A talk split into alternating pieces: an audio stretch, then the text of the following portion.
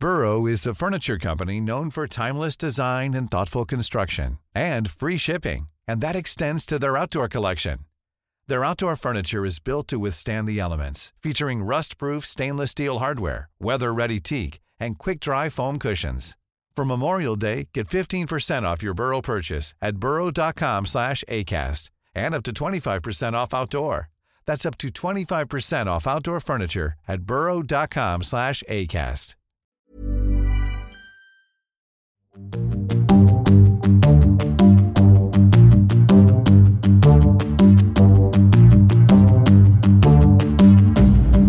Välkomna till ett nytt avsnitt av podcasten Cyril och Stig i otakt med samtiden. Dagens gäst är författaren och forskaren Axel Burenius. Axel debuterade 2021 med romanen Dödsängeln som bland annat handlar om hans avlidna lillebror. Nu är han aktuell med boken Persona som delvis baseras på hans forskning vid Nottingham University om den ukrainsk-belarusiska nobelpristagaren Svetlana Aleksijevitj. I den eh, ifrågasätter han bland annat hennes tillvägagångssätt. Men han gör också i tradition med sitt objekt djupintervjuer med ukrainska flyktingar. Innan vi sätter igång vill jag påminna om att det inte är gratis att göra pods. Så vill man stötta oss, swisha 123 535 4857. Man kan också köpa vår öl Cyril och Stig Ollot som finns på ordinarie, i ordinarie sortiment hos Systembolaget på Södermalm, Nacka och Enskede. Och att beställa tar bara två, tre dagar på systembolaget.se på deras hemsida. Man kan också köpa våra t-shirts, kaffemuggar, hoodies, kulturpåsar med mera på podstore.se. Vill man gå vår skrivarkurs förhoppningsvis mot slutet av året i Berlin så mejla gmail.com. Den här månaden är också Stig aktuell med att bli intervjuad i litterära tidskriften L'amour de l'amour som man kan beställa tror jag, på deras Facebook-sida om man googlar det. Jag är aktuell som speaker i SVT-serien som finns på SVT Play, Sveriges största konstkupper av Anling Lingyu. Jag är också aktuell med en eh, intervju med eh, e EU-parlamentarikern för KD, Sara Skyttedal, om bland annat droger och religiösa sekter i kommande numret av Fokus. Man kan också beställa våra böcker hos Bokus.com och förhandsbeställa min kommande prosadiktsamling eh, Imse Vimse som släpps i november. Okej, välkommen till, till Axel Burenius. Vi sitter idag hemma hos mig på Kungsholmen. Du har gjort boken, äh, som har gjort Persona. Det är din, du har först gjort en roman, eller hur? Ja, Det här är din andra bok. Ja, det är min andra bok. Precis, exakt. Som handlar om, och, vad heter din roman? Eh, Dödsängel Ja, eh, heter den. Den kom ut eh, 2021 på Wahlström Wistrand. Ja. Eh, och den handlar om min, eh, den handlar om döden då. Om min ettårige bror som dog i en bilolycka när han var 19 och jag var 18. Eh, så det, och, den, eh, och den här då, det är min andra bok och det är en essäbok. Och den kom ut på Fri Tanke nu i maj. Och den är delvis baserad på min doktorsavhandling som handlar om Svetlana Aleksijevitj. den Ja, som, som du eh, skriver på i... Du, du är vid Nottinghams universitet om jag förstår. Ja, exakt. Nottingham är för mig en gammal så här, industristad har jag fått. Ja, har du- har du varit där? Nej, jag har varit på väg både till Not Jag dejtade en tjej någon gång för länge sedan i Nepal, 20, 30 år sedan. 25-30 år sedan. Hon var från Nottingham. Jaha, Men hon var lite så här white trash. Jag har fått för mig att det är som Birmingham, hårdrockens hemstad. Ja, alltså Birmingham det är, det är liksom en kulturell metropol jämfört med Nottingham. Ja, okej. Det är så här att det är en liten, liten stad på 300 000 invånare och jag bor dessutom inte i Nottingham utan något som heter Ilkeston som ligger precis utanför som är typ en stad på 40 000. Och det är verkligen alltså det är liksom ett backwater kan man säga. Hur hamnar du där då? Ja, alltså, jag, alltså jag, när jag först flyttade till eh, England så var jag typ 20 och då var jag väldigt språkintresserad. Jag ville pl- plugga språk. Och jag hade då en idé om att jag skulle bli konferenstolk. Och för att bli det så behöver man tre språk förutom sitt modersmål. och då tänkte jag engelska får jag om jag pluggar i Storbritannien. Och sen pluggade jag ryska och serbiska på universitetet. Och Nottingham var ett av de universitet som erbjöd två slaviska språk. Eh, Så det var så jag hamnade där i början men sen när liksom min akademiska karriär tog fart och när jag började liksom skriva min master och doktorera och så då visade det sig att det var lättare att få stipendium på ett universitet om du redan hade studerat där. Så de senaste Så du får från engelska fonder då? eller? Ja, exakt. Precis. Eh, och så är det lite lättare om, Alltså om du känner folk på det universitetet och du har bra kontakt med professorerna där och så vidare. Så de senaste fem åren har det liksom mest varit av praktiska skäl egentligen som jag. Sen är Nottingham känt också för Robin Hood och fotbollslaget. Ja, Nottingham Forest. Känner du till dem? Ja. De har gått upp till eh, Premier League Jag vet, faktiskt. jag vet. Gammal klassiskt 80-talslag. Ja. Ja, de hade ju sin storhetstid där på 80-talet någon gång. Ja, jag såg ju de matcherna. Det är ju länge sedan nu. Ja. Vad fan hette tränaren? Det var två killar, du gjorde en film om det. Ja, ja. Eh, Brian någonting. Ja. Eh, alltså det var ju häftigt. Det var ett litet lag va? Mm. som vann först Premier League och så vann de då Champions League. Eller. Europacupen hette det då. Just Lite det. som Sen så, sen så eh, vann de nästa år igen. Ja, ja, ja, exakt. Precis. Ja, det... Men vad fick du från början då att börja plugga slaviska, ryska och serbiska? Alltså, efter Och välja dem, då? Ehm, alltså, jag tyckte att eh, jag tyckte ryska var otroligt vackert helt enkelt. Eh, jag tror att det var därför. Det var, alltså, jag tror att för att liksom, lära sig ett språk så bra att man kan prata det flytande så måste man verkligen älska språket. Eh, och jag tyckte att ryska var otroligt vackert och jag sa ju det till er här nu precis att jag tycker att ryska har liksom ett väldigt, det har liksom ett oförtjänt dåligt rykte. Att det har rykte om sig att vara väldigt hårt och brutalt och kantigt. Men i själv, Ser- serbiska är mer korthugget. ja, det är mer korthugget, absolut. Plus att jag, jag har mitt senaste förhållande, långa var i alla fall, var med därifrån. Så jag är van vid hårda ord på det språket. Jag har också haft ett förhållande med en serbisk tjej. Faktiskt hösten 89, hösten 92, hösten 95. Ja, jävlar. okej. Juggetjejer är ju faktiskt snyggast efter svenskar och norskor kom vi fram till någon gång. Ja, de ser bra ut. Vad kommer, vad kommer du ihåg för, eh, för ord på, från serbiska då? Sladka matchka. Slatka matchka. Okej. Vad betyder det? Det är Det- det- inte ordagrant någon med katt, men Ja, det är det tjej. söt, söt katt. Ja, men det är egentligen matchka. snygg tjej. Och då blev det såklart då, ja, när man fick något positivt. Just det, exakt. Men vad ska vi säga? Men, men din bok, alltså du började läsa hem. Den här är lite, hur ska man beskriva den? Kill your idols kanske? Det- Den inleds med hur, hur eh, förhäxad du blir av henne. Som jag skrev till dig på mess att jag känner igen mig när man var i den här 20-årsåldern och blev förhäxad av vissa författarskap. Att, att personen glider in lika mycket som bö- böckerna. För mig var det Henry Miller tror jag, Dostojevskij och några. Ja. Men sen blir det lite, i ditt fall, för, vad ska man säga? Alltså jag tror att, de, Det är lite jag tror bara- att, att det har missförståtts. Det har varit en del som har varit kritiska. Jag har inte läst det. Nej, men alltså, jag uppfattar att du försöker göra henne rättvisa. Eh, Genom att gå till källorna och visa. Alltså hon har ju naturligtvis av, av olika skäl blivit, eh, alltså den persona som du beskriver, alltså den, den idé om henne som författare. Det finns ju också en persona över, låt oss säga Beckett eller Ja. så, Solzhenitsyn eller så. Ja.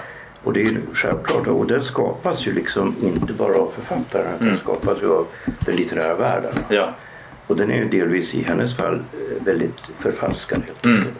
Fast Men, men alltså just det där att alltså man kan ju inte kräva av en, en ung tjej i, i hon var väl i Vitryssland då va? Eh, ja. Nej, det, det Att, att, att liksom vara någon sorts dissident när man är Nej. ung. Det funkar. Alltså jag, i jag, jag, samhället. jag tycker vi kan komma lite först. Vi kan börja lite, lite som boken började. Sen lite som du sa till mig på telefon. Liksom, vad, det började med lite vad är litteratur? Ja. Jag kände igen mig mycket på det där att hon ändå, och jag förstår henne där att hon verkligheten är mer kittlande än och, och, och, och, och än alla de här vi kan säga som om vi var i Sverige typ. Eh, medelårsförfattare, medelklassförfattare. Om vi tar eh, Jens Liljestrand skriver om ett familjeliv. Det är ju intressantare. Det är läsa om ett riktigt familjeliv än någon som bara som inte lever ett liv. Ja, men alltså det, det, jag, jag tyckte det var väldigt intressant och väldigt träffande beskrivningar av hur romanen kan se ut. Eftersom jag, jag skriver ju, jag kommer med en bok eh, till våren. För jag har ju arbetat i fem år med det här problemet om hur man ska se på det jag kallar för högkultur. Va? För jag betraktar mig själv som en del av det. Ja. Och samtidigt kan jag då tycka att högkulturen de sista 30 åren har liksom gått ner. Medan lågkulturen, det mesta är ju skräp naturligtvis. Men där finns det, alltså, det finns ju bättre underhållning och så. Det är bättre gjort. Och, och på det sättet, det har ju kanske att göra med det här med att det är mer pengar i det. Va? Det har säkert en stor betydelse. Men inte bara. Utan vissa problem har att göra med inre problem. Alltså problemen med modernismen. Jag går tillbaka till romantiken. Vissa romantikens förhållande till modernismen och hur det har liksom påverkat. Det handlar framförallt om bildkonst och litteratur. va? Och hur det alltså jag tror ju mycket på det som du då är inne på också. Att det går inte att göra grejer som någon annan har gjort precis. Ja, Och då står du inför ett problem när du befinner dig lite senare. Harold Bloom har ju skrivit väldigt bra Mm. om det där. Alltså, du blir liksom fången av att du känner dig att du är i eftersvallet. Va? Mm. Och vad fan gör du då? Och det, det som man kan se eh, det är ju då att Alltså jag menar då att det är Det du tar, vänta, du tar upp alltså att Joyce och de har redan satt eh, ribban och, och, Ja. och, och hur, hur går du längre? Och då kanske det är som, och så, så nämner du att det gör hon och Knausgård när de kör äh, Ja, alltså jag säga så här. Jag tror att hela min utgångspunkt med Alexievich det är att det hon skriver är fantastisk litteratur. Och det som jag är intresserad av är att förstå hur hon skapar den här litterära magin som hon har lyckats åstadkomma. Alltså vad är det med hennes eh, skrivande framförallt men också med hennes eh, publika image som gör att man får den här känslan av att komma bortom litteraturen och in i någonting sannare när man, när man läser henne. Men Så det- hur fungerar magin? Hur fungerar den stora litteraturen? Det är ju det som jag, det är min grundfråga egentligen tror jag. Eh, och sen inordnar ju henne i något, någon, typ av, ja, men någon typ av litteraturhistorisk kronologi helt enkelt. Där jag liksom menar att hon förhåller sig till väldigt övergripande eh, eh, estetiska och litterära problem. Det vill säga hur fortsätter man att skriva när allt, liksom när Tolstoj har funnits, när Dostojevskij har funnits, när Henry James har funnits. Hur fortsätter man att eh, förnya romangenren? Mm. För Tolstoj gjorde ju den första krigsromanen till exempel. Som, som, Tolstoj, som, ja, ja. som jag skriver om i min eh, resa från kriget i Ukraina. Men det ska bli intressant att läsa din eh, avhandling sen. För där antar jag att det är fler sådana. Men du tar ju upp här i början. Tar du eh, original, originalet från hennes intervjuer. Hur, Ja. hur hon har strykt. Och Ja. det blir effektivare. Då tänker jag. Det här är ju lite som Hemingway och Orwell också har gjort innan. Mm. Alltså att du, att du gör mer litteratur för att det blir mer drabbande och dramatiskt av, av Mm. Ja. det. Så, så där tycker inte jag hon gör något fel egentligen.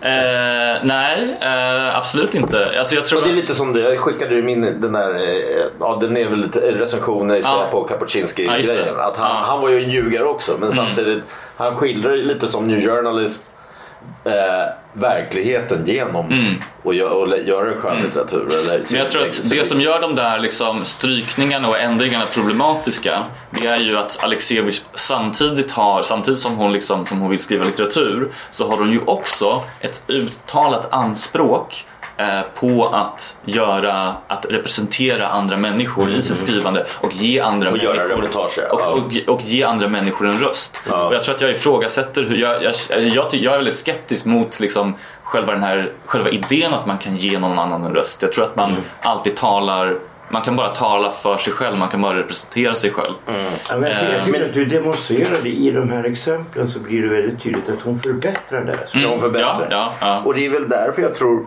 eh, Stig har väl mer ingångar i akademin än vad jag har. Men Stig sa att eh, hade inte hon fått det hade Kapuscinski fått om han inte hade dött. Och Kapuscinski gjorde ju samma sak som, som jag skrev där. Att, att du, Mm. Ja, det och- finns ju väldigt och många beröringspunkter ja, där, ja. Och det är, och det är ju det är ju litterära stilgrepp. de tar- Och det är kanske därför de får litteratur. De blev då, Och det hände ju ganska att det är första journalist som får litteratur. Mm. Eller, Mm. eller som skriver något som kallas mer journalistik. Alltså det var ju så akademin, de tog upp det här med vittneslitteratur och det är Mm. en sen grej, det är på 1990-talet. Imre Kertész fick ju...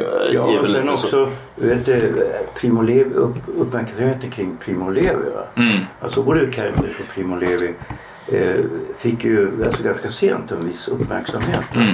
Och jag, jag vet att Horace skrev där om att egentligen började med Stendhals resa genom Italien. Han beskriver eh, slagfält i Mm. södra Italien någonting. Ja, just Som är så helt chockerande. Ja, Sebald skildrar ju det i sin Ja. första bok. Ja. Ja. Och, Så eh, Ernst Junger också. Ja, men det här är ju väldigt tidigt. Va? Mm. Och det kommer ju som en chock. För du, inte, du förväntar inte att det ska hända. Mm. Och det där, men det har ju man upptäckt ganska sent här. Mm. Men jag tycker att det där är en väldigt, det där är en intressant reflektion och eh, då under um, alltså i Sebalds skildring då av Stendhals resa genom Italien så pratar han om eh, hur eh, Stendhal kommer till ett minnesmärke som är rest. Ska bara, vänta, ska bara, ska bara, du uttalar stånd, Stig som ofta märker ord. Så du ska märka ord på sidan. Han heter Ståndal. Ståndal. Och Ståndal. Inte Sten. Jag sa inte Sten. Mm, okej. Okej, Ståndal. Eh, kommer i alla fall till, det här, till en plats där det var ett slag. Och då ser han ett minnesmärke som är rest över det här slaget. Och eh, Sebald skriver då att, som är den här författaren som skildrar hans resa, han, han skriver då att eh, Ståndal hade, han slogs av skillnaden mellan det här futtiga minnesmärket och alla de människor som dog i det här slaget. Och hur det som Eh, alltså hur, våra, hur vi märker någonting i, för att markera liksom en historisk händelse. Hur det finns en otrolig brist på överensstämmelse mellan det och den mänskliga upplevelsen och mänskliga verkligheten. Och jag tror att vittneslitteratur ofta eh, försöker eh, att, den, att den adresserar just den där diskrepansen, den där bristen på överensstämmelse. För när man läser Alexievich så kommer hon hela tiden tillbaka till de här skillnaderna mellan verklighet och kultur. Mellan sovjetisk propaganda och den mänskliga erfarenheten av Tjernobylkatastrofen eller av sovjetiska afghanska kriget och så vidare. Men Eh, jag, tror att det generellt sett är så, alltså om vi tittar nu på modernismen så är det den här nya, det vi kan kalla då för vittneslitteratur. Det är helt enkelt att den mänskliga, jag tror ganska mycket på det här med Hegel och världshandeln, att det blir på något sätt bättre och bättre. Vi lär oss av ja.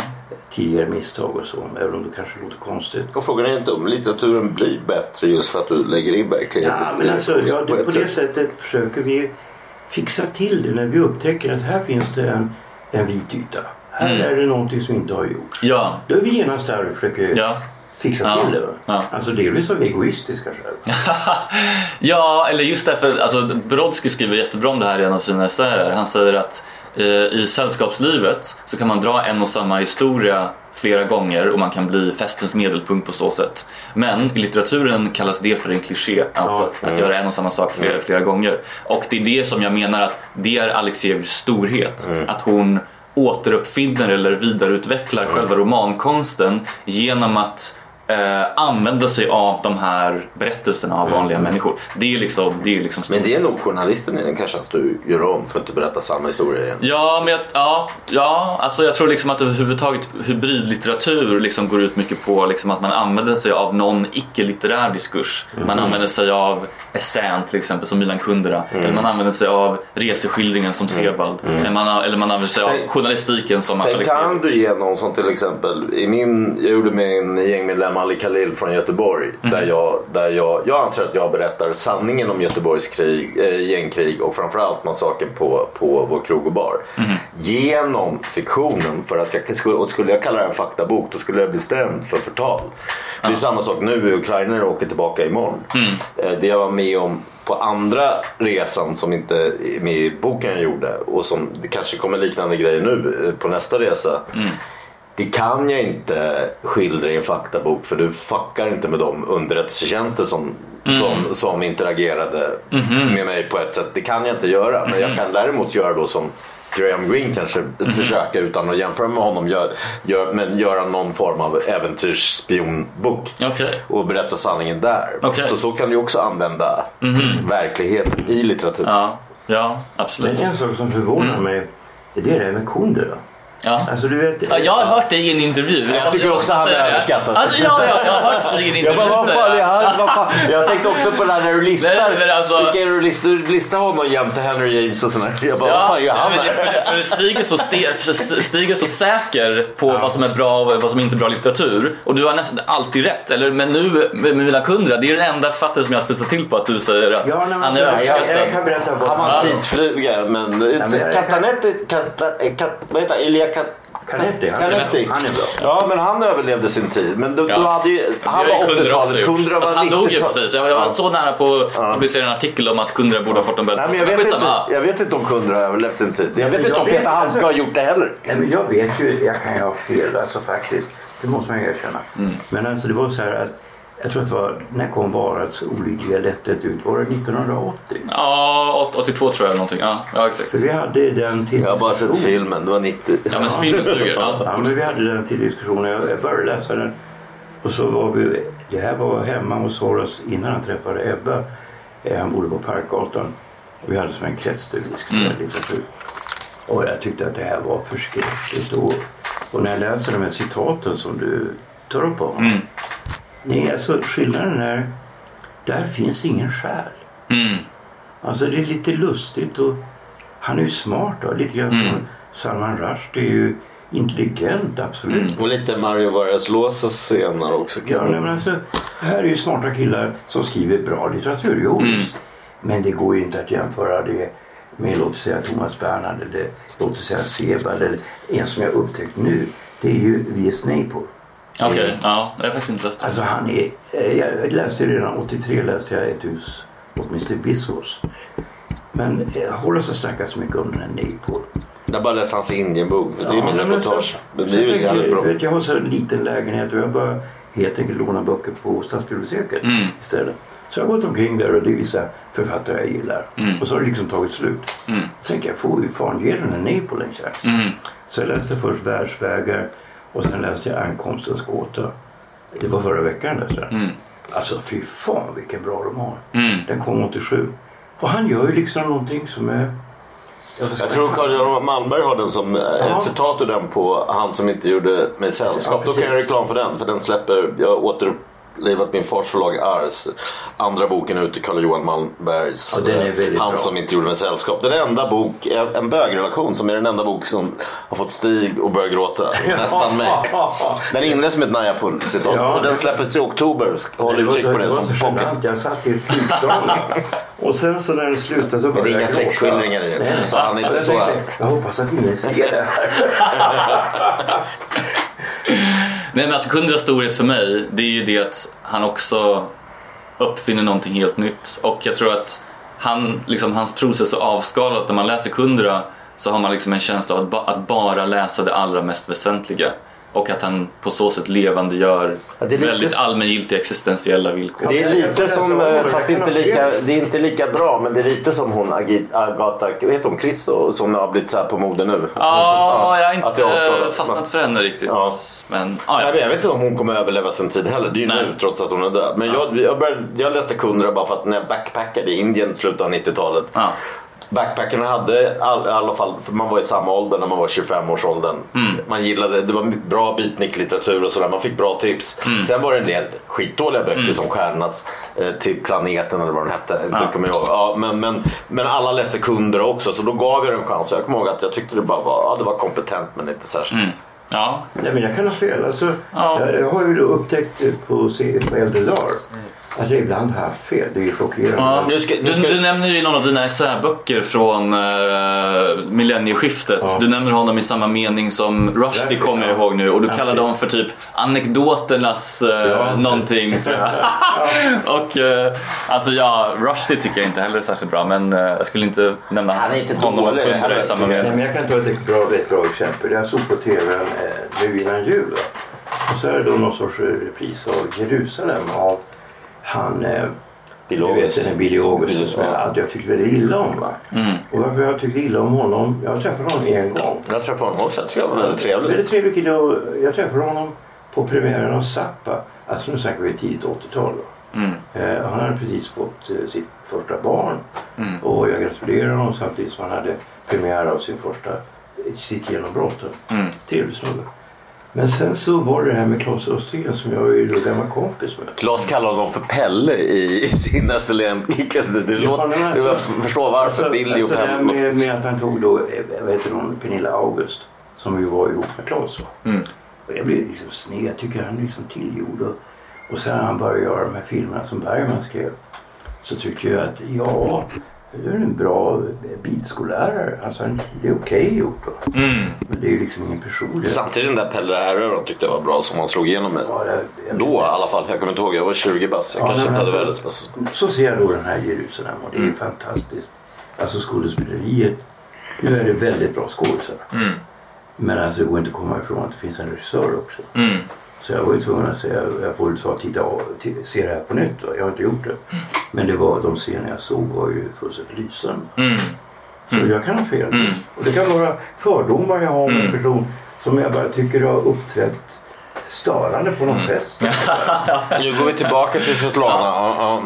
Ja, för mycket kundera här och, och, och grejer. Men, men sen, så där, med de här grejerna hon stryker som jag tycker bara förbättrar och så mm. säger också så. Men däremot det, det du tar med retoriskt det är ju när du, när först, när, för, för jag tycker att det är lite så här kill your idols och jag förstår varför. Mm. Men det är där när du skriver hur hon jobbat som journalist. Det är inte, det, där tror jag din doktorsavhandling också kommer med något nytt. Att du mm. går igenom artiklarna hon ja. skrev i sovjetisk ja. press på 70-talet. Att hon då är en politruk eller vad man ska säga. Eller, uh, eller ja, hon skriver ja, det hon vill. Ja, hon har skrivit liksom, ja, regimvänliga artiklar. Ja, hon är inte en dissel. Men, och, men där, även där, för jag, för jag vill hela tiden för, eh, ta henne i försvar på något sätt. Liksom. Mm. Eftersom man själv också verkar i den traditionen. Men jag kom på, då började jag tänka på så här, vad skrev jag på Svenska Dagbladet när jag jobbade där? Men, ja, jag var frilans, jag tog alltid semester i februari för att jag vägrade skriva om schlagerfestivalen. För det var mm. bara då. Så jag valde min egen väg mm. helt. Och jag valde hellre att jobba på ett bygge eller hemtjänst vid sidan om. Mm. Eller som lärare för att dra in pengar. Men mm. hur många journalister gjorde det? Nej, det är inte så många. Och jag kan inte klandra heller de journalister. Jag var ju frilans så jag kunde välja. Mm. Men jag kan inte klandra mina vänner som hade en fast anställning. Om vi säger liksom så här, ett typiskt kvällstidningsreportage. Om Per Bjurman eller Fredrik Virtanen har fått göra i en söndagsbilaga. Mm. Eh, att de går ut och dansar vals på en finlandsfärja med Camilla Läckberg trots att ja. de inte gillar hennes böcker. Ja. Jag kan inte klandra dem om deras arbetsgivare ger dem den orden heller. Ja. Men det låter som att du har läst boken som någon typ av anklagelseakt. Lite, lite. Ja. Nej, jag ser det mer som Vad tycker du Stig? Ett slags omvänt försvar. Och jag tror att reaktionen... Jag, försökt, jag, försökt, jag undrar efteråt vad det handlar om. Jag tror att det finns på en, en viss sida. Mm. Jag har skrivit upp, jag har strukit under det till och med. 30 någonting. Här ska vi se här. Det handlar om jämförelse med väst och med, med öst. Mm. Alltså den här tanken att censur, här, det är sidan 83. Mm. Alltså den här tanken att, att censur, men har vi inte censur här också? Mm. Alltså hela den här idén med att de som är verksamma i ett totalitärt samhälle som mm. Sovjet var. Va? Att de befinner sig i en, ja det är väl en censursituation, men här har vi också en form av mm. Och jag tror att det på något underligt sätt är stötande för många människor ja. att läsa. Va? Och jag tror att det är många som har blivit lite provocerade av ja, boken. Precis. Det märker man ju i vissa recensioner. Liksom. Ja, precis. Men sen, men sen tycker jag också så här, men, det, men där också på ett sätt är det beklämmande som tar upp när du tar upp med kriget, eh, vad heter det, kriget har inga kvinnligt ansikte. ansikte. Ja. Ja. Uh, faktiskt den enda bok jag läst av henne. Men, ja. men, men, men, i alla fall. Eh, men nu fick jag, så det är ingen anklagelse så. Nu får jag lust att läsa allt när jag ja. läser den så. Ja, ja, Särskilt den sista boken som, mm. som talar om. Men, men däremot så, du tar ju upp där hur, hur de förändrade den i nya upplagorna. Mm. Men det tycker jag man kan göra. Som till exempel vår vän Anders Stopendal som ändå gjorde förra årets, eller om man ser det som årets bästa bok, tycker mm. jag. Han när han gör slut... Det tycker jag är överdrivet. Nej men alltså, men ändå, och, och, som, som ändå... Jo, men det tycker jag nog. Vilka är bättre utav de skönlitterära? Vi kan ta det sen. Men, äh, men i alla fall, när, när jag sa till... Han, han fick... Hans amerikanska förlag när vi var i Brasilien, han och jag, eh, mm. mejlade honom och tiggde och bad att han skulle ta bort ordet cotton picker. Okay. Jag bara... Jag bara Nej, du ska tvärtom. Jag, jag är som man är. Min son är amerikan, jag har bott där. Jag är halvamerikan nästan. Liksom. Mm. Och varit där sen liten. Du ska, jag vet Hey, I'm Ryan Reynolds. Recently, I asked Mint Mobile's legal team if big wireless companies are allowed to raise prices due to inflation. They said yes. And then when I asked if raising prices technically violates those onerous two-year contracts, they said, "What the f*** are you talking about? You insane Hollywood ass." So to recap, we're cutting the price of Mint Unlimited from $30 a month to just $15 a month. Give it a try at mintmobile.com slash switch. $45 up front for three months plus taxes and fees. Promo for new customers for limited time. Unlimited more than 40 gigabytes per month. Slows. Full terms at mintmobile.com. Hiring for your small business? If you're not looking for professionals on LinkedIn, you're looking in the wrong place. That's like looking for your car keys in a fish tank. LinkedIn helps you hire professionals you can't find anywhere else, even those who aren't actively searching for a new job but might be open to the perfect role. In a given month, over 70% of LinkedIn users don't even visit other leading job sites. So start looking in the right place. With LinkedIn, you can hire professionals like a professional. Post your free job on linkedin.com slash people today. Typ, det här är bara några woke-människor i San Francisco och Mm. Berkeley och Williamsburg som säger. Du ska ha mer sånt. Mm. Ta bort, stryk ner slutet om Viktor Malm. Det är fegt. För Mm. om Viktor Malm tror att du är en woke när du är precis som mig och Mm. Stig och så här, då har du gjort något fel. Stryk ner istället, gör en bättre. Och då- Och sa Andres i alla fall, jag tror ändå lite påverkad med att ja, det, fan, det där är rätt. Jo, bli, det, och, och gör jag så här och det blir bättre i den amerikanska upplagan då ska jag nog låta den svenska, om det är ny kommande upplaga, bli så. Ja, absolut. Jag tror att kruxet med just Alexevic det är att allt det här blir problematiskt när man samtidigt utger sig för att eh, verka som ett, eh, ett medium för andra människor helt enkelt. Alltså om jag säger i, om jag liksom implicit säger om i, min litteratur att det stora med min litteratur det är att jag låter andra människor komma till tals. Tals, alltså. Jag ger dig som läsare en möjlighet att direkt, att oförmedlat eh, komma i kontakt med det här historiska ögonvittnet. Då är det samtidigt, det, då kan man inte, alltså då, då, är det, då blir det pro- problematiskt att, att, sam, ja, att samtidigt, ha, att liksom, samtidigt göra stora anspråk på, eh, på konstnärlig frihet. Och jag tror att det är den liksom balansen på något sätt som jag, eller jag, jag försöker, det, är, det är väl de, det är väl sådana frågor jag, jag vill väcka tror jag i boken. För jag tror att snarare än att liksom att ge ge liksom väldigt raka svar så försöker jag liksom eh, väcka frågor kring den här typen av litteratur och vad det innebär att, att representera andra människor. Alltså det finns en annan fråga som ju en inte du ställer. Eh, det är, eh, vad vill du ha? Stig. Kan jag ta en cigg av Stig? Eh, det, det, är min sista, det är min näst sista cigg. Oj, Ja, du får ta den. är du säker? Ja. Tack, schysst. Eh, nej, sugen. men det, det är ju det här med Sovjet. Va? Jag reste ju genom Sovjet. Jag har varit rätt mycket i Sovjet tidigare. Jag reste fem veckor 91, sista sommaren Sovjet fanns? Mm. i östra Sibirien. Och det, jag måste ju säga det att, att det som överraskade mig det var att det var bättre än vad jag trodde. Mm. Och att de här människorna var väldigt vänliga och att det, att det funkade ändå. Och sen så har jag då funderat, tillhörde ju vänstern. va? Mm. Jag var ju till och med ända fram till mars 73, jag var då 17 år, med i Herrarna va, som var en stalinistisk eh, Mm. organisation. Sen så började jag läsa då om Moskvarättegångarna och så här, va. Och det tyckte jag naturligtvis var ganska obehagligt. Men sen har jag då kommit att fundera över det där. Därför att Alltså om man tittar på Bukharin och de här. Va? Mm. Varför erkänner de att de är japanska agenter? Det är ju inte, det är ju inte klokt. Va? Nej. Men så jämför det med de som eh, utsätts för inkvisitionen och så. Mm. Tittar tillbaka på det. Alltså om, om du har vikt ditt liv åt kristendomen eller till kommunismen. Mm. Så uppfattar du att ditt personliga ansvar för ditt väl och ve är, är liksom, det betyder mindre än partiet eller, Mm. eller, eller eh, kyrkan. Mm. Och det har vi lite svårt att förstå idag. Mm. Och det man måste förstå är att de här människorna som gjorde revolution 1917 och sen under det här inbördeskriget, vad skulle de göra? Skulle de ge upp?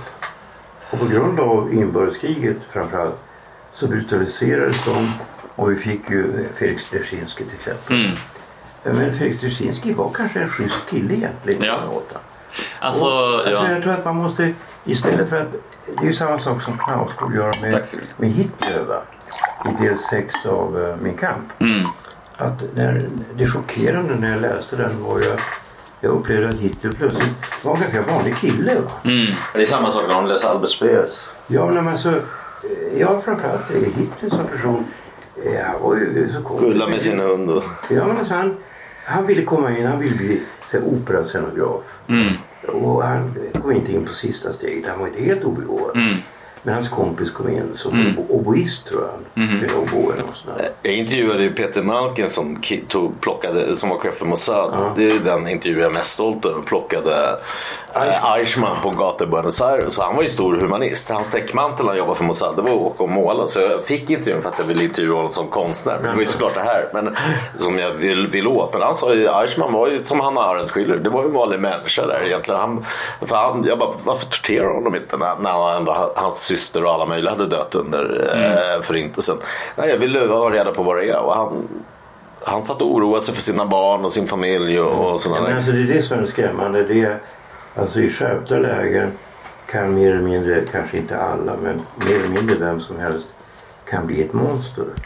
Och det är därför man i sådana här lägen som vi befinner oss idag med ett möjligt krig va, så måste man Ja. verkligen tänka efter vad det är man gör. Och jag är ju då väldigt oroad över den här utvecklingen som sker just nu i Ukraina och jag upplever att det eh, alltså jag varnade för det här redan 2014. För jag När Ryssland då invaderade Majdan-grejen i september. Ja, jag var ju 2012 var jag i Kiev på, det var ju fotbolls-EM och jag uppträdde på, det var en tjej jag var med som hade en kabaré. Så jag uppträdde för så här, fotbollsfans med Vikingahjälp. Det här var väl 2011? eller? Nej, 2012 var det. Ja, okej, ja. Ja, Det var då EM var. Och, eh, och fick dem att tystna och lä- höra mina dikter. Det var ju rätt märkligt. Men då var jag där nere och eh, Kiev är ju en fantastisk stad. Jag gillar ju liksom öst och så. De står ju på något sätt närmare oss i Norden än övriga Europa på något sätt. va. Påminner lite om Stockholm men framförallt Helsingfors. Ja, men alltså, och samtidigt tycker jag de här människorna är- de är trevliga. Va? Och, men hela den här grejen med Ukraina är ju så känslig att även jag fattar att det här är farligt. Mm. Så de hade då, det var en tjej som både jag och Sture känner som ville dra med mig liksom, i politiska sammanhang och tyckte jag skulle uppträda. Det var en sån här Ukrainas dag på färgfabriken och folk från uh, ukrainska regeringen var här. Och då varnade jag dem för vad som kunde hända. Va? Så, I- så I don't want to see children with their throat sliced in Kiev. I don't want to see women raped. You know something? You're fucking with Mr Vladimir Putin. And I can tell you, he's not a nice guy. alltså den här Alltså den här alldeles uppenbara risken som fanns med deras beteende att närma sig NATO. Alltså redan då 2014 va? Mm.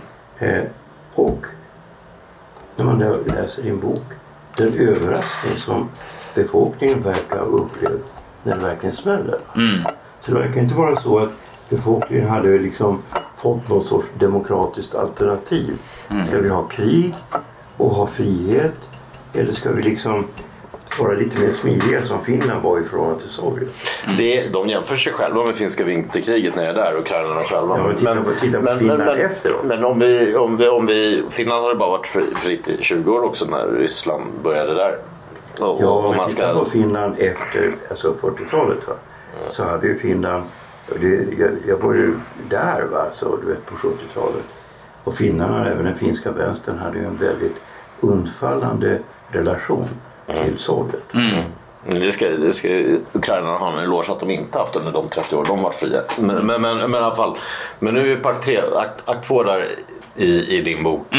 just så, det. som fick en till tankeställare där. Ja, men, men, men, men också hennes jobb som, ja, som journalist och sådär att hon, att hon följde regeringen och sina Mm. chefer i press. Men jag, tänk, jag tänkte också, fick en tankeställare att Ja men det är väl så här typ även i, i en fri de- demokrati. Om vi, ser, om vi tar då svensk, de som Stig kallar medårsförfattare. Mm. De skriver ju för att få, alltså de här som, om vi tar Kemera Anjurus till exempel med klippkort på, och Stridsberg med klippkort på Babel. De gör ju det för att de, de skriver till rätta lagt för att slicka arslet där. Och om vi skulle haft, om vi har tagit Anna Serner till exempel med Filminstitutet.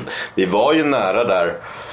Eh, så där, där, även om jag aldrig skulle rösta höger så är det bra att vi fick ett regimskifte där. För där var ju nära att få en diktatur när hon sa inga män ska få regissera under ett vitt år. Och, det är ju fortfarande så när du söker till Filminstitutet att du ska ha en somalier som drar en sladd, helst en transvestit som håller ljudbommen och sådär liksom. Att, att du, och då är det många som bara för att överleva och få göra sin konst som blir tillrättalagda. Absolut, absolut, absolut. Även i en demokrati Jag som har att- här. Ja, absolut. Men jag tror liksom min stora poäng det är liksom inte att jag vill på något sätt smutskasta Alexievich för att hon har skrivit regimvänliga artiklar utan det är att jag vill helt, alltså, för jag får ofta den här reaktionen när jag pratar med eh, ryssar, med ex-sovjeter. Eh, och då när de läser min bok och när, de, eh, när, när vi pratar om, att, om Alexievichs journalistiska förfluten så rycker de i princip på axlarna och säger ja, men det var väl klart att hon skrev så liksom. Men om... Nu- kunde ha gått i fängelse som Ja, men om det nu är så självklart, varför kan man då inte prata om det? Mm. Och grejen är att när man tittar på den eh, mediala bild som finns, av Alexievich i eh, Västeuropa så presenteras hon där som en sovjetisk dissident. Att hon var en journalist med ett, med ett, med ett, anti, med ett anti, rykte om sig att vara antisovjetisk och så vidare.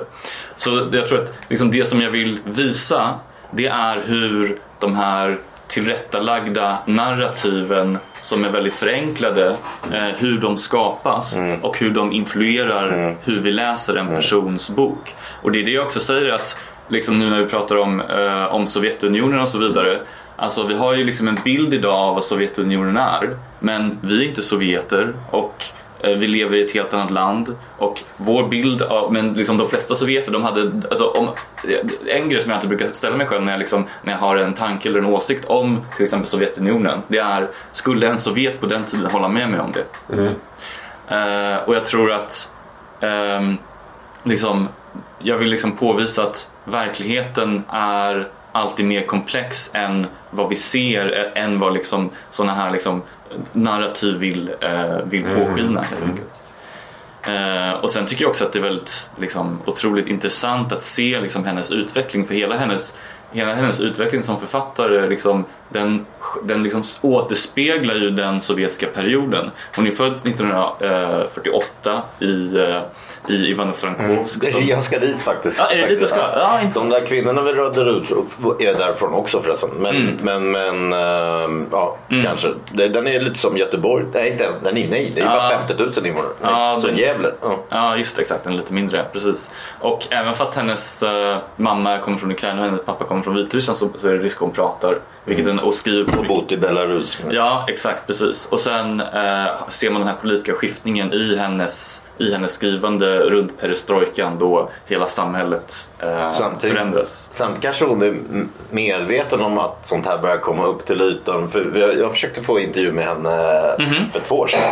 Och då var det hela tiden att eh, nej men eh, hon är i Tyskland men jag, ja, men jag bara men jag kommer till Berlin. Men då var det nej men hon är sjuk. Mm. Ja. Och så, det, det, hon kanske är sjuk men ändå. Jag tror, jag tror att hon är det. Det är, Ja, därför hon har ja, flyttat. ja. faktiskt. Det är ju Eh, Göteborg också. Hon har bott i Göteborg, Berlin och Paris. Alltså den här Mm, killen, ja. Sva- Zweigintsev. Jag såg eh, den här filmen, det är Leviatan den heter va? Som kom 2014 eller något sånt där. Är det den som utspelar sig vid... Eh, Vita havet. Ja, ja, exakt. Som är väldigt bra. Mm. Och väldigt otäck. Och man tänker, hur kunde den överhuvudtaget produceras i Sovjet? Mm. Men det var ju samma sak med, du vet på 60-talet och redan tidigt, sent på 50-talet gjordes det ju med Andrei Rublev, eller Ivans barndom gjordes ju 61. Mm. Och eh, Parajanos filmer gjordes ju 64 respektive 69. Va? Mm.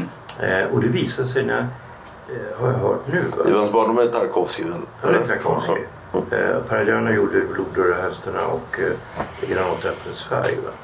Men det visade sig att det var Brezhnev personligen. Mm. Eh, han var väldigt intresserad av film. Mm. Eh, alltså du tänker Andrei Rubio skulle inte kunna göras i väst. Det är som Alltså, kung Sihanouk i Kambodja. Han var också älskade film. Ja, men alltså, han var väldigt intresserad av film och tyckte att inte litteratur, för det funkar inte att ha Mm. litteraturen fri. Nej. Men film kan vara fritt. Mm. Och det gjordes ju faktiskt en hel del väldigt bra film i Sovjet. Även eh, en del lättare filmer, komedier och så. eh, Som man ser så här i efterhand. Som är välgjorda och bra. Va? Mm. Alltså även då på 60-70-talet. va. Ja, precis. Och liksom vår, alltså vår bild av Sovjetunionen, det är liksom, den är ju helt liksom, monokrom kan, ju, kan man ju Ja. säga. Liksom, att Sovjetunionen det är en och samma sak och det existerar Ja, jag under ju väldigt lång tid. i min Ukraina-bok. Jag var där Ja. mycket som barn. Ah, okay, ja. Ja. Medan det finns liksom väldigt stora liksom regionala och liksom, eh, skillnader i tid och så. Så liksom, alltså Sovjetunionen 1952 är ju någonting helt annat än Sovjetunionen 1957. Eh, och många av de här liksom, många journalister som skrev de kunde ju ändå på något sätt uttrycka sig genom att liksom, alltså om man eh, tittar på vissa liksom, artiklar som Alexeus har skrivit så är hon, väldigt, hon är väldigt kritisk mot liksom, eh, det sovjetiska sjukvårdssystemet till exempel. Eller mot eh, den obligatoriska arbetsfördelningen. Ja, förbättra det kommunistiska samhället. Ja, precis. Ja. Ja, men det var det som var deras utgångspunkt. Och när jag var där i östra Sibirien så märkte jag också det att Alltså för det första, de här människorna hade inte någon som helst koll på vad som hände i väst. Mm. Alltså de fick ju veta det, det här var 91, de fick kanske veta det 88 eller något sånt där. Men så är det ju i diktaturen. Jag var, Ja, när jag var på Kuba, alltså- när Castro var sjuk, då frågade alla kubaner vad händer med Castro? Hur mår han? Frågade de mig. Ja, men alltså, du får tänka på att i, alltså, låt säga, i Leningrad eller Mm. så, hade de, kunde du se utländska kanaler och Mm. de fick ju viss information. Mm. Åtminstone om du går fram till tidigt 80-tal. Mm. Men de i Sibirien hade ju ingen idé. Ja, absolut. Och det gjorde ju då att de var ju helt icke-korrupta. Och de som var eh, partichefer där va, som Mm. jag träffade, jag var hemma hos dem. De levde i samma hyreshus som arbetarna. Mm. De levde väldigt enkelt. De var idealister. Och väldigt upprörda. Mm. Det var det som gjorde att Sovjet föll så snabbt. Samtidigt hade de sina Dutchor och sådär. Nej, alltså alla hade Dutchor. Mm. Alltså, jag såg en, en dokumentärfilm om Erich Honeckers sommarstuga. Mhm. Alltså min farsa var ju byggjobbare. Mm. Han har mycket snyggare sommarstuga än Erich Honecker. Mm. Alltså de här, eh, om du tittar på låt säga Stalin. Va? Mm. Han hade ju några så här Dutchor. Men det var ju inga skrytbyggen riktigt alltså. Mm. Och eh, när du tittar då på vilken jävla arbetare som helst. Hade ju små sommarstugor. Det var ju så de överlevde. Genom att de odlade grönsaker. Ja, det var väldigt vanligt precis. Att man, liksom, att man var lite självförsörjande. Ja, det var ju samma sak i, Sverige. Alltså alla arbetare byggde ju på 60-talet egna sommarstugor. Fast jag vet det, alltså, där, sen var ju det här en amerikan som nu när jag var där i eh, november med, det var här, här var ju någon från am, am, en amerikan som sa till mig i Kiev som jobbar åt USA som då förutspådde ju de att kriget är slut i februari-mars genom att, att eh, Putin dödas eller sätts i en dacha som Khrushchev. Eller så kommer motoffensiven i slutet på maj, början av juni och eh, finns den inte då, då blir det som Nordkorea att det blir ett stillestånd. Att, att det kommer pågå i evighet. Men när jag frågar då, men kommer Putin med sina miljardhus och nöja sig med en så här som eh, Khrushchev? Nej, nej men då, det sa amerikanerna till mig. Nej, Khrushchev var jättebra. Han bodde också i ett slott där. Nej, det gjorde han inte alls det. Så Jag det läste, vara- jag läste intervjuer med hans fru. Jag menar herregud, han borde inte... Nej, jag har hört att han håller på att odla i en trädgård och så. Han bodde i så Jag säger att det var eh, 120 kvadratmeter sommarstuga. Det är ju inget slott. Alltså det som var speciellt med de här kommunistiska ledarna. Alltså om du tar Kosygin och Gromyko och ända fram till Andropov. Det var att de var väldigt asketiska. I Ryssland. Sen har vi Rumänien. Jag var där Ja, men strax alltså, efter. Där Ceausescu samlade på. Jag tycker Ja, överallt på landsbygden. Det var ett slott. Ja, det är Ceausescu. Det var en annan 40-50 grej. stycken. Det är en annan kultur. Men de här ryssarna, de levde ju enkelt. Mm. Alltså om du tittar då på de här som levde ju faktiskt till 90-talet. En del blir ju nästan 100 år. Mm. Alltså de här Molotov, Malenkov och vad, vad de nu heter. va, De blir jättegamla. Mm. Ja, de bodde i vanliga hyreslägenheter. Mm. Och uh, Malenkov han, började, han blev kristen och började intressera sig för ikonmåleri på slutet. Mm. Eh, De som överlevde Stalin. då. Ja, men alltså, grejen var den, och det måste man verkligen sätta på deras konto. De var inte ute för att suga ut folket och leva lyxliv. Mm. Som ju alla ledare i världen. Kanske med undantag av Kina, jag vet inte. Mm. För kineserna är ju fortfarande, och i Vietnam också, de är fortfarande kommunister. Mm. Och då handlar det inte om, de skäms om de skulle leva lyxliv. Mm. Det strider ju mot deras ideologi. Det är lite grann som du vet, jesuitiska munkar och så. Mm. De lever ju superenkelt. Mm. Och det är ju bara för deras ideologi. Mm.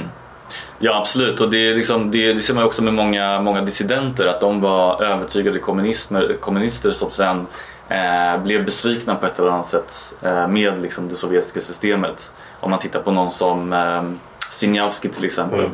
Han var ju liksom superkommunist. Men, eh, och sen, så det var ofta det liksom att dissidenter att de eh, det var inte så att de var ideolo- liksom fundamentalt ideologiskt motsatta kommunismen men de var de höll inte med om hur kommunismen Mm. Nej, implementerades. men det kan ju också bli. Putins fall och för all del Zelenskyjs också. Att, att, att, att de har samlat på de här husen, oligarkerna och roffat åt sig så mycket. Liksom. Alltså i bästa fall skulle det kunna bli så här att det ukrainska folket har blivit på grund av deras liksom, lidande har blivit så muckigt att de kommer inte att acceptera oligarker i fortsättningen. Mm. Men jag betvivlar. Jag tror att de är redan där faktiskt. Ja, alltså, alltså Ukraina kommer ju aldrig ge sig. Nej, nej. nej de Och kommer aldrig vikandes. jag tror aldrig att... Jag tror att Och som de sa när jag var där i november. I mars när du var här, då kunde vi inte kriga. Nu jämför vi oss med Finland under finska vinterkriget. Nu kan vi kriga liksom. Ja, alltså jag blir jätteförvånad när eh, liksom, i början på kriget, jag trodde Ryssland skulle ta Kiev på liksom, två veckor och det trodde ju väldigt många också. Men, Mm. Ja, men nu eh, har ju antagligen avrättats den som ledde den. Putin har skickat honom för, för att det var en missbedömning. Ja, ja precis. Nej, alltså ja. Det, det som många trodde är att Putin, liksom, att hans eh, militära då rådgivare sa till honom att ah, men det, här, det här kommer ju gå lätt. Att du, du kommer ta Kiev på liksom några dagar. Det kommer vara över och du kommer liksom visa att det, det, det är Ryssland som, som bestämmer inom det postsovjetiska eh, området. Men så hände någonting helt annat. Och det som är intressant, alltså min, den sista delen i boken då, den består ju av eh, intervjuer som jag har gjort med... Det var det jag ville komma in på, för då kommer vi till Acredo. Men Ja. var det, för här blir det in också en sån här hybridlitteratur. Mm, ja, Går du in, gjorde du det för att du ska visa var skåpet ska stå eller att du vill köra hennes Alltså, grej? jag vill väl liksom, för, först så liksom, först så För du börjar som något mer vetenskapligt. Ja, exakt. För först, först så liksom dissekerar jag ju eh, Alexievich eh, metod helt enkelt. Eh, och sen hoppas jag att man läser mina intervjuer med eh, liksom en större medvetenhet kring eh, dels författarens agens och den intervjuade personens agens. Ehm, och sen eh, så liksom, eh, och det är också försiktig med liksom att, alltså, jag skriver ju om de här eh, berättelserna då till eh, tredje person preteritum. Så jag, liksom, jag namnger dem ju och sen, sen skriver jag liksom eh, Jag tycker det fungerar väldigt bra. Därför att Det som händer det är att det här är så vardagligt. Va? Mm, och det gör att, att du väldigt lätt kan identifiera dig med det. Va? Mm. För om det plötsligt kommer ett krig, vad fan gör man? Mm. Alltså den här hjälplösheten och den här chocken. Och man, man, man försöker koppla in sig på datorn och, och Mm. jobbet och så. Ja. Men ingen är där. Och, ja. Alltså du vet, eh, alltså det där är någonting som jag, jag tycker det fungerar väldigt bra.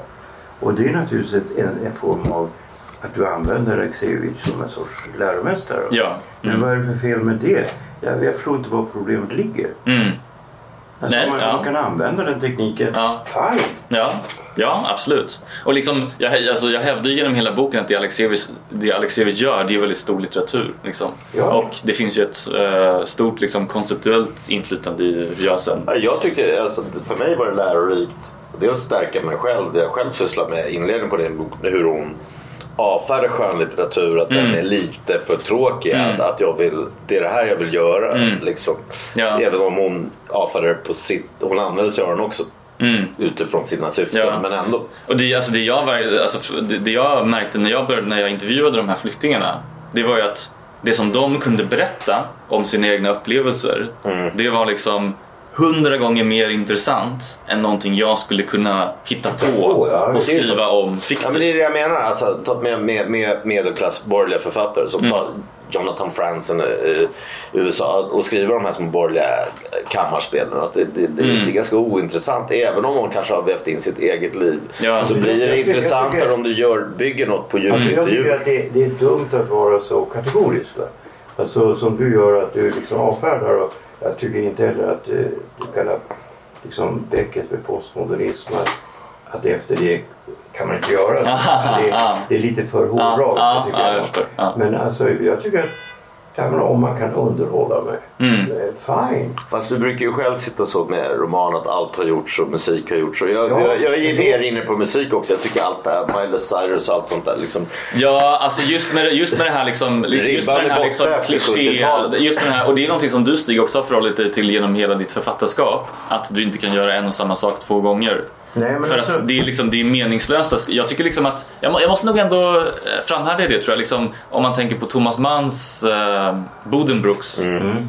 Jag tycker liksom att efter den kan man inte längre skriva en familjekrönika. Nej precis, Nej, den det, toppar. det är svårt. Ja, eller man kan inte göra det på ett meningsfullt sätt. Nej. Sen skriver Nej. ju folk liksom familjekrönikor hit och dit. Nej, men Jag jag, inte jag att- försökte ju med den eh, som jag eh, liksom Nej, jag med sitt beskriver skönlitterära det i den här nya boken. Ja, gör du? Ja.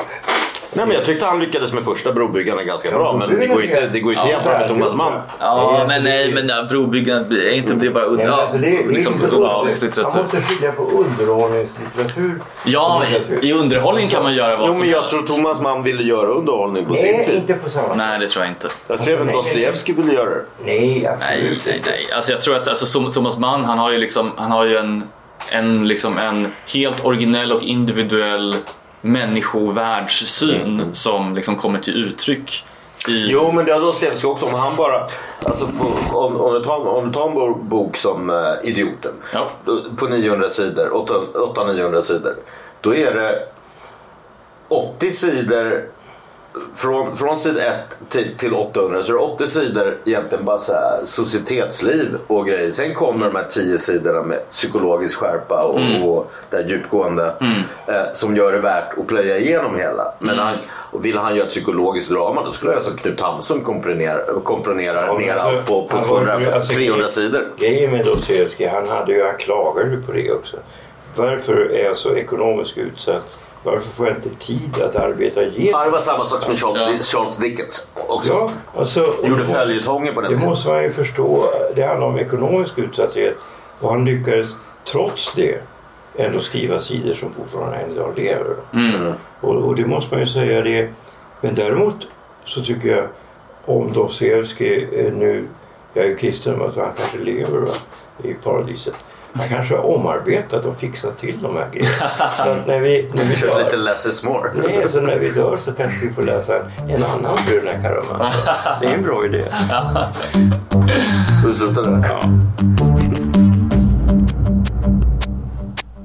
Avslutningsvis vill jag påminna igen att inte att podd. Så vill man bidra, swisha 123 535 4857. Eller köp våra t-shirts, hoodies, kaffekoppar med mera på podstore.se och vår öl Cyril och Stig Ollot på systembolaget.se. Jag har också startat upp min fars gamla förlag på nytt, Ars, som grundades 1942. Tidigare år släppte vi den debuterande poeten Erik Hagelins diktsamling Monotonins blommor. Denna månad släpper vi den enda bok som har fått Stig att börja gråta som vi pratade om tidigare i podden. Nämligen Carl Johan Malmbergs Han som inte gjorde mig sällskap. Nästa månad släpper vi eh, Claes Holmströms Tredje stenen från solen som går på tusentals kronor på antikvariat och han har tidigare sagt nej till Bonniers, Nordstedts, eh, Modernista med flera. Men han, nu kommer den för första gången i, i ny upplaga. Eller ny utgåva ska man väl säga. Vi släpper också Stig som min gamla elev Per, Per-Arne Wahlstedts Folk och rövare. Men den kommer i oktober-november. Vill man som Per-Arne gå vår skrivarkurs så messar man Cyril och Stig at gmail.com. I november är jag också aktuell med diktsamlingen Imse Vimse om BDSM och sadomasochistiska relationer och annat i tiden. Vill man köpa mina och Stigs andra böcker så kan man också beställa det på bokus.com.